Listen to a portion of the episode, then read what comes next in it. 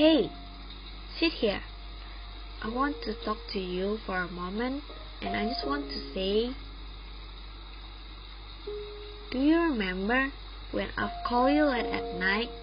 We gave our time and advice just trying to fix our problem and all issues. And you remember we're making plans for a future and said we always put each other first. But now we don't even miss each other anymore. You know what? We are like professional friends, right? We meet because the agenda has been arranged. We only discuss topics as necessary.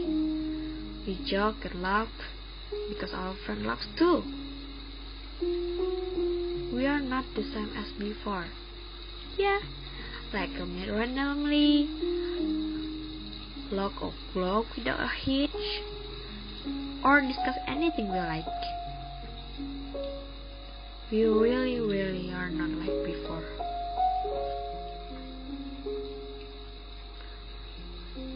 There are so many questions I wanted to ask you. Want to know?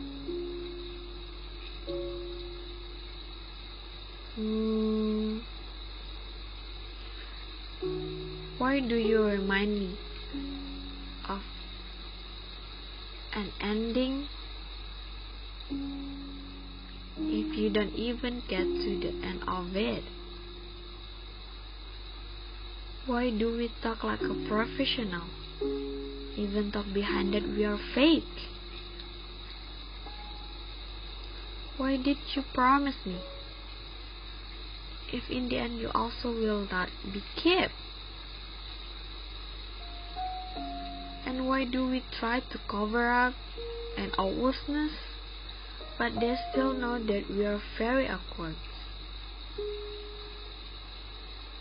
I'm so tired of pretending like this. Why don't we just end it? I need a clear explanation for your disappearance. Oh, I know. I'm the only one who feels disrespect. You don't. That is okay. I hope when the time is over, you will not regret for wasting my time.